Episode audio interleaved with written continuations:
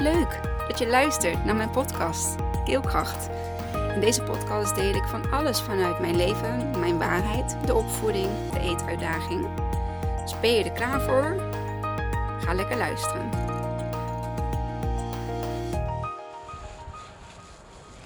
Hoi, daar ben ik weer. Het is zondagochtend, het is lekker koud. Um, gisteren had ik een uh, bijzondere dag. Gisteren was uh, Sheila's verjaardag. En uh, ja, Sheila is uh, 2,5 jaar geleden overleden. En ja, ik probeer toch in te houden dat ik ieder jaar met haar verjaardag... dat ik haar ouders even ga bezoeken. En daar gewoon even te zijn. Herinneringen op te halen. te weten dat je hè, niet alleen bent in, in het verlies. En uh, vooral ook in de liefde die, die je voor dezelfde persoon kunt voelen. En ja, dat is zo'n mooi moment. Ik ga dan meestal met uh, een gezamenlijke vriendin, ook een vriendin die ik juist heb leren kennen nadat Sheila was overleden. En ja, ik weet niet, ik vind het gewoon iets, iets moois, iets helends hebben en uh, ja, zo is eigenlijk gisteren uh, mijn, uh, mijn dag geweest. Ik merk wel dat dat.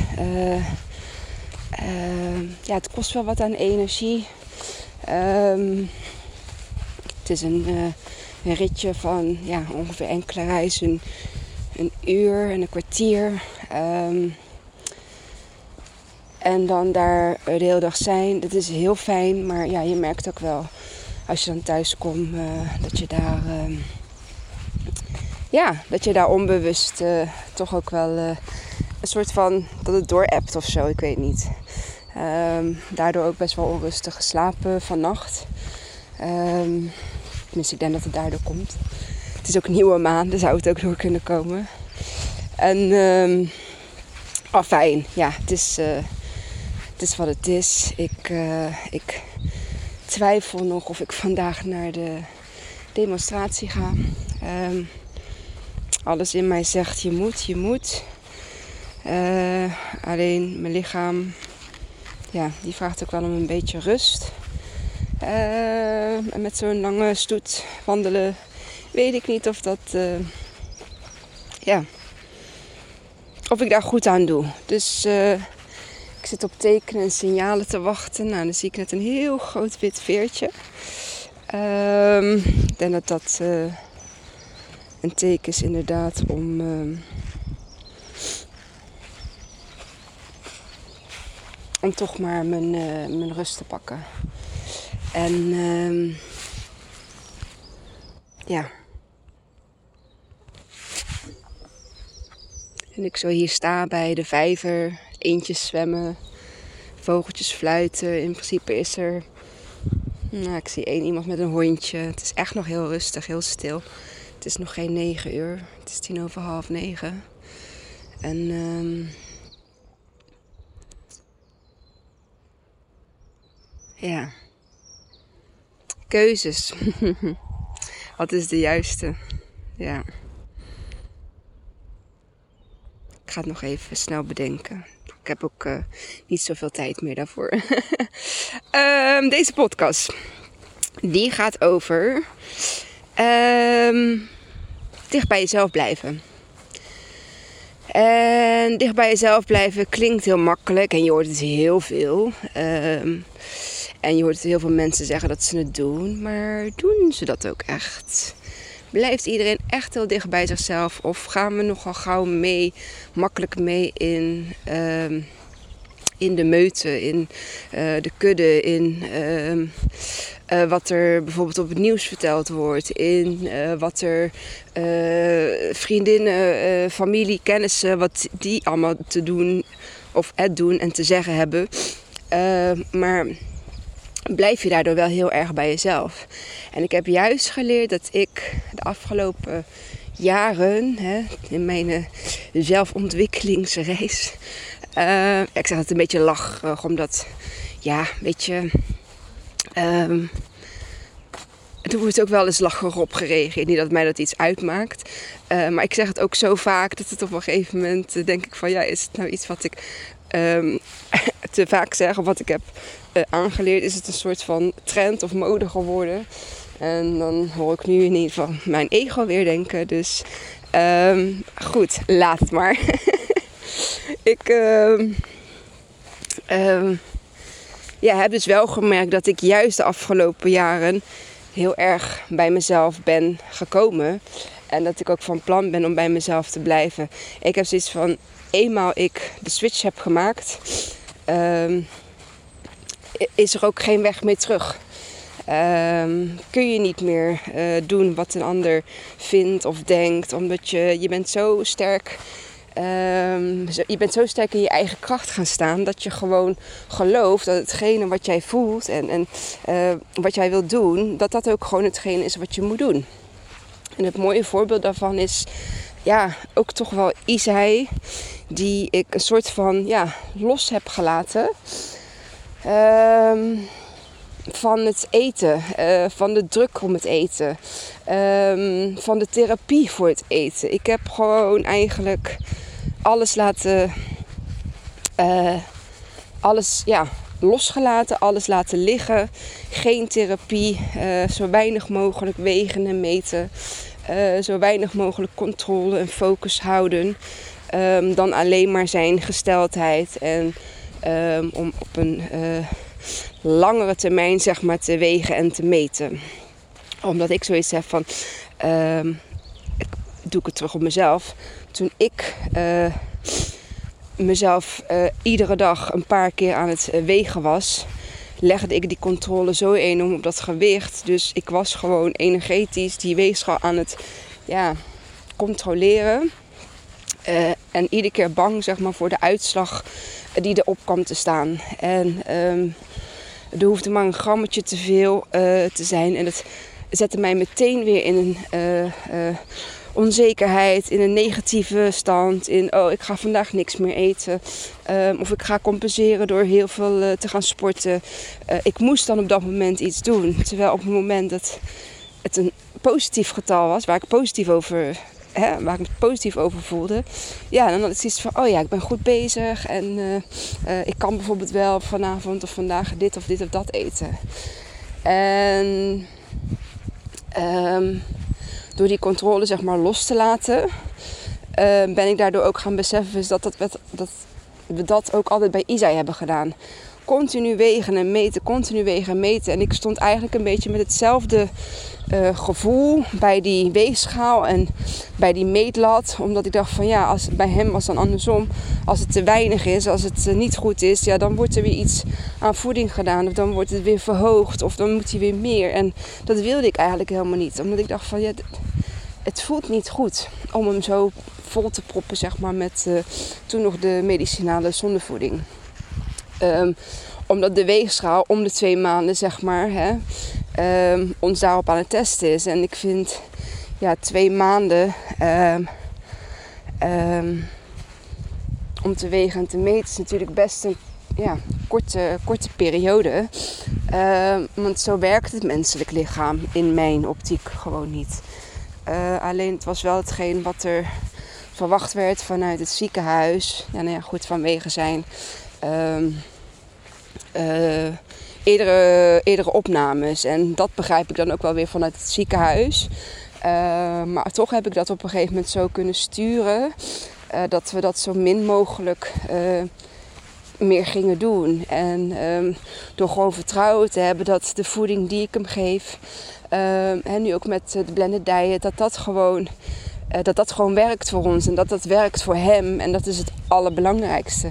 Daardoor ben ik wel bij mezelf gebleven. Want ik kon mezelf, ja, uh, zeg maar met het hè, advies en de mening van alle andere zorgdeskundigen uh, uh, aannemen. Zoals ik al die tijd ook heb gedaan. Maar ik heb toch gekozen om um, dat niet te doen. Waardoor juist uh, de, de, de groei, zeg maar, de ontwikkeling veel beter is, veel beter is gegaan dan, uh, dan dat het voorheen was. Ja, en weet je wat het dan uiteindelijk is? Dat, dat gaat niemand weten. Ehm, ik geloof ook echt, als ik dit vertel, zeg maar in het ziekenhuis, dat ze dan ja, ook niet zo goed weten wat ze er mee moeten.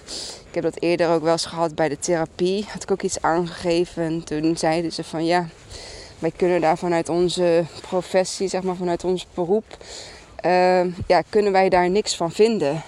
Toen ging ik bijvoorbeeld met hem naar een osteopaat. Uh, en kreeg hij homeopathische, uh, hoe heet die, bachbloesem, bachbloesemdruppels. Ja, dat, dat werkte gewoon. alleen ja, waarom werkt dat dan? Ja, omdat ik daarin geloof. En, en Isa waarschijnlijk ook. Want Isa die kon niet wachten om de druppeltjes uh, te krijgen. Terwijl hij eigenlijk niks wilde. een beetje water, verder niks in de mond. Totaal geen intake. Maar als ik met de druppeltjes aankwam, dan stond hij echt zo bij me van... Oh, geef mij die druppeltjes, geef mij die druppeltjes. Alsof hij daar om, ja, ik weet niet, om zat te smachten, zeg maar. En uh, dat zijn voor mij tekenen dat, hè, dat dat de weg is, zeg maar, die wij in, ons, uh, in onze situatie uh, ja, zullen moeten bewandelen. En um, ja, dat bij jezelf blijven, dat kun je op zoveel andere vlakken toepassen. Ik had gisteren ook nog een heel mooi gesprek met iemand. En het ging dan ja, goed, dat ging, uh, dat ging over diegene. En um, zo mooi dat als ik dan mijn verhaal vertel en deel, um, nodig ik die ander zeg maar ook uit om, om dienstverhaal te vertellen. Uh, hè, natuurlijk in alle vertrouwen, dus ik ga er ook verder niks, uh, niks over zeggen. Maar um, zo mooi dat die persoon dan ook aangeeft van, ja weet je, op een gegeven moment blijf ik gewoon bij mezelf. En laat ik me niet meer ompraten of laat ik me niet meer van de wijs brengen wat hoort. En dat hoor je ook heel vaak van ja, het hoort niet zo. Uh, ja, van wie hoort dat dan niet zo, zeg ik dan. ja, uh, van, nou ja, goed, dan krijg je een hoop andere namen dan alleen die persoon zelf. Ik zou dus een andere persoon bepaalt voor jou of iets wel of niet hoort. Dus jij bent um, hè, hier op aarde gekomen. Um, om daarna alle regels van jouw leven te laten bepalen door iemand anders. En ja, dan kijken ze je ook zo aan van, nou ja, dat, dat wat je zegt, dat, dat, dat, dat, dat, dat klopt niet. Waarom zou ik inderdaad mijn leven die ik leef laten bepalen door regels of door meningen of door uh, sociale acceptatie van wat er door anderen, anderen verwacht wordt. En ik denk dat dat wel gewoon een hele mooie is om, uh, ja, om, om jezelf bewust van te worden. Um, wat, hè, de keuzes die je maakt, vanuit waar maak je die? Maak je die vanuit jouw hart? Uh, voel jij dat je echt 100% achter die keuze staat? Of maak jij de keuze vanuit je hoofd, omdat je denkt dat dat ja, uh, is, zeg maar, wat er, dat de keuze gemaakt moet worden, omdat er toch wel invloed in zit van, ja, van buitenaf. Uh, eigenlijk niet van jouzelf, maar ik doe het maar omdat het zo hoort of omdat het zo moet. Um, en het is zo mooi dat ik in het gesprek met die persoon, ja, die dat ook gewoon echt kon beamen van, ja, dat is ook gewoon zo. En, en sinds dat, hè, dat diegene nu uh, de keuzes maakt zoals, uh, zoals ze echt voor diegene zijn, merk je ook dat er weerstand komt. Bijvoorbeeld in een relatie komt er weerstand en dat is niet makkelijk. Ten eerste omdat ja, die andere persoon is jou altijd al gewend zoals je bent. Uh, of zoals je op die manier was. En ja, die persoon die ben je langzaamaan niet meer. Uh, daar ben je een beetje van weg aan het gaan. En je bent eigenlijk aan het doen wat, je, wat echt bij jou hoort. En ja, volgens wie jij echt bent. En um, door dus inderdaad dicht bij jouzelf uh, te komen en uiteindelijk ook te blijven. En als je op dat punt bent gekomen, ja, dan gaat er een hele andere wereld voor je open. En dan ehm, komt er een kracht naar boven. Nou, die kan ik wel bevestigen. Uh, want dan zie je ook wat het gaat brengen.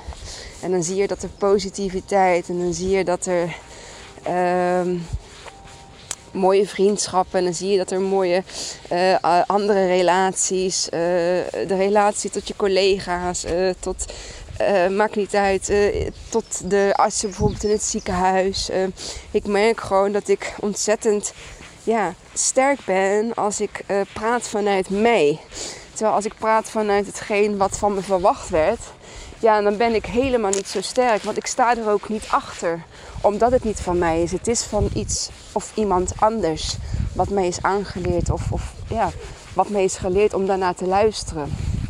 En um, ja, ik denk dat dat mm, voor iedereen wel een hele mooie is om je daar in ieder geval van bewust van te worden. Van, vanuit waar maak ik deze keuze? Is dat vanuit mijn hoofd?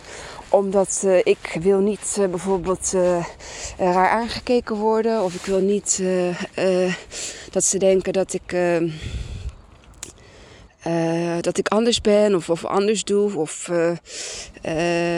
dat ik niet wil gehoorzamen. Nee, of maak je de keuze van, ja, ik, ik maak hem vanuit mijn binnenste, zeg maar. Omdat ik echt voel gewoon, en dat zul je wel moeten leren voelen.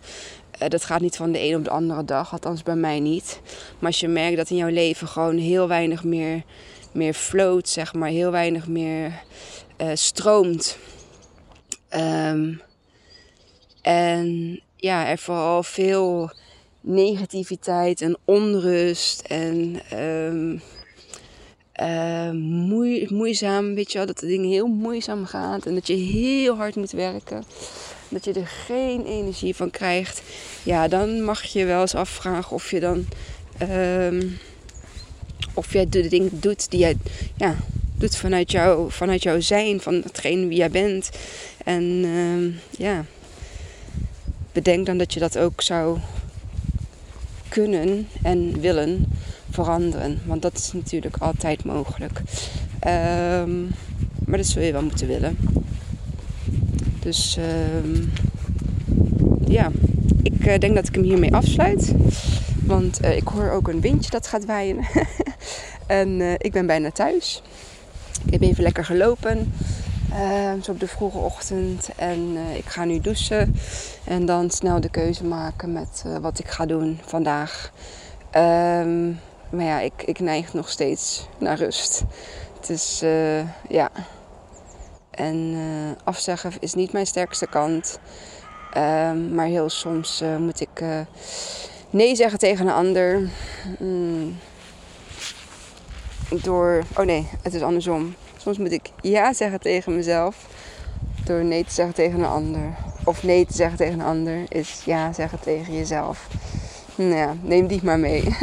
ik wens je een hele fijne ja, moment van de dag. Op welk moment je dit ook luistert. En uh, dank je wel. En tot de volgende. Doei doei. Wat leuk dat je tot het einde van mijn podcast hebt geluisterd. Vond je het leuk, inspirerend? Deel hem alsjeblieft met de mensen om je heen. Of post hem op je social media en tag mij daar dan in. Dan zie ik dat je hebt geluisterd en dat vind ik ontzettend leuk om te weten. Dankjewel en tot de volgende.